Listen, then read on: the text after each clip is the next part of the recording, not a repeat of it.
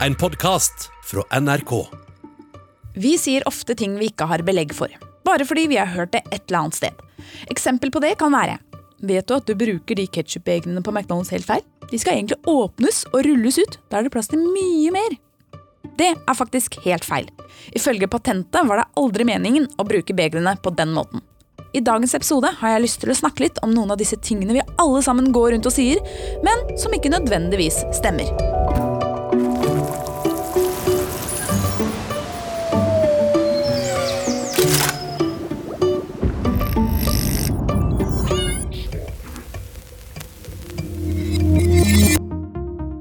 Velkommen til en ny episode av Smartere på ti minutter, der jeg, Selda, forteller deg om fakta, vitenskap, historie og andre morsomme temaer som gjør deg nettopp det, litt smartere på bare ti minutter. Affirmative! Neste familieselskap du er i, kan jeg garantere at du blir midtpunktet, for her kommer fem myter vi kan avlive på stedet. Aller første påstanden Mount Everest er verdens høyeste fjell. Mount Everest hever seg 8848 meter over havet. Det er fin fakta å huske neste gang du spiller TP eller er i en quiz. egentlig. Det er det ingen andre fjell på jorda som gjør, men avstanden fra havoverflaten er ikke nødvendigvis et godt mål for størrelsen på selve fjellet. Mount Everest ligger på et høyt platå og er faktisk bare 5400 meter fra fot til topp. Og måler vi fra fot til topp, blir Mount Everest slått ned i støvlene av vulkanen Mauna Kea på Hawaii. Denne vulkanen er ikke spesielt høyt over havet, bare 4207 meter, som fortsatt er 1738 meter høyere enn Galdhøpiggen. Men vulkanens fot ligger dypt under havoverflaten, og fra fot til topp måler Mauna Kea hele 10.203 meter. Wow. Mount Everest sin tvilsomme tittel som planetens høyeste fjell betyr heller ikke at fjellet rager lengst vekk fra jordas sentrum. Hvis du måler på denne måten istedenfor høyde over havet, så er fjellet Chimborazo i Ecuador høyest. Fjellet har en topp som er mer enn to kilometer lenger fra sentrum av planeten enn Mount Everest. Dette er fordi planeten vår er en klemt sfære og ikke en kulerund sirkel.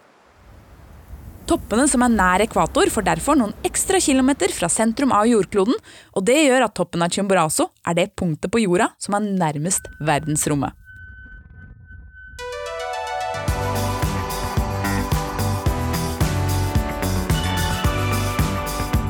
Jeg er sikker på at alle som har barn, blir sinte på meg nå, men her kommer neste myte. Sukker gjør barn hyperaktive. De fleste foreldre sverger nemlig på at dette her er sant. Barn blir hyperaktive når de får for mye godteri eller brus.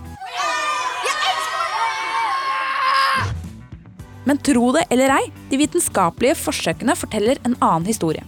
En stor og anerkjent amerikansk studie viste ingen forskjell i effekten av verken sukker eller en sukkererstatning på barns oppførsel. Konklusjonen var som følger.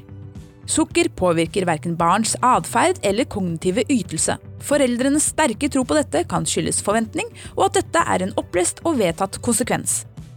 En annen anerkjent studie ga forskerne alle barna i eksperimentet sukkererstatning, men fortalte halvparten av foreldrene at deres barn hadde fått sukker. Studien viste at de foreldrene som hadde fått beskjed om at sitt barn hadde fått sukker, oppførte seg annerledes overfor barnet og rapporterte senere om høy mengde hyperaktivitet.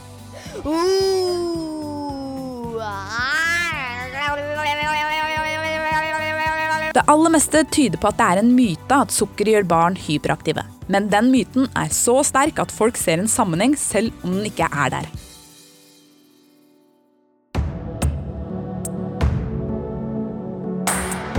Neste myte er det kanskje ikke så mange som har tenkt over før, men det er mange som tror det likevel. Og det er at jordas tyngdekraft ikke påvirker astronauter. Det kan se ut som om astronauter svever der de driver rundt i romstasjonen tilsynelatende uten bekymringer. De har i hvert fall ikke den samme tyngdekraften som vi på jorda har, det sier seg selv. Eller de som befinner seg i den internasjonale romstasjonen ISS, opplever faktisk 90% av den samme tyngdekraften som holder oss andre fast på planetens overflate, og de faller derfor mot bakken konstant.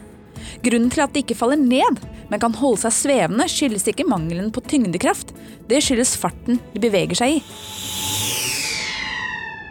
Både de og romstasjonen holder nemlig en fart på 28 000 km i timen mens de faller ned mot jorda. Derfor fortsetter de å sveve, selv om de opplever 90% av den vanlige tyngdekraften.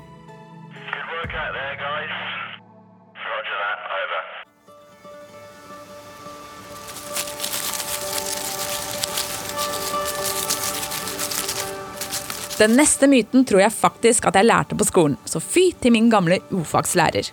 Hun sa at kameleoner skifter farge for å gjemme seg. Kameleonens hud kan skifte farge fra grønt til svart, rødt, blått, lilla eller spraglete. Men det utrolige trikset brukes ikke til å hjelpe det lille dyret med å gjemme seg. Tvert imot. Kameleonen er, akkurat som mange andre krypdyr, godt skjult i sine naturlige omgivelser så lenge den beholder sin grønne farge. Når den skifter farge, blir den ofte ekstremt synlig, og det er meningen. De flotte fargene blir først og fremst brukt til kommunikasjon med andre kameleoner. Hanner kan f.eks. bruke en sterk rød farge til å få rivalene sine til å flykte. Og gravide hunder kan fortelle ivrige hanner i omgivelsene at de kaster bort tida. I andre tilfeller bruker kameleonene fargeskifte til å styre kroppstemperaturen. Når dyrene er kalde, gjør de huden mørkere, sånn at de absorberer mer av varmen fra sola. Så det er altså ikke for å kamuflere seg at kameleonen skifter farge. Den siste og kanskje aller mest seiglivede myten er kvinner synkroniserer sin menstruasjonssyklus. Vi har alle hørt om den ovennevnte påstanden, og mange av oss er sikkert også overbevist om at det stemmer, men det gjør ikke det. I 2017 så ble det gjennomført en så grundig studie av forskerne fra University of Oxford at det ikke var tvil om resultatet. Menstruasjonssyklusen ble fulgt hos 360 par kvinner som enten bodde eller tilbrakte en stor del av livet sammen. Og resultatene viste at syklusene ikke ble synkronisert. I stedet var det faktisk det motsatte. En svak tendens til at de 360 parenes menstruasjoner ble mer spredt fra hverandre over tid.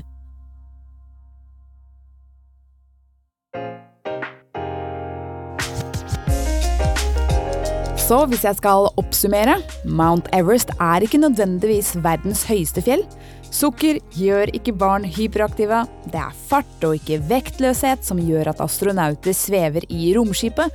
Kameleonen skifter farge først og fremst for å prate med hverandre. Og til slutt, damer synkroniserer ikke mensen. Så der har vi det, folkens. Husk å holde deg skeptisk og dobbeltsjekke det du leser. Da får vi et solid og bærekraftig samfunn i årene som kommer. Det er lov å håpe.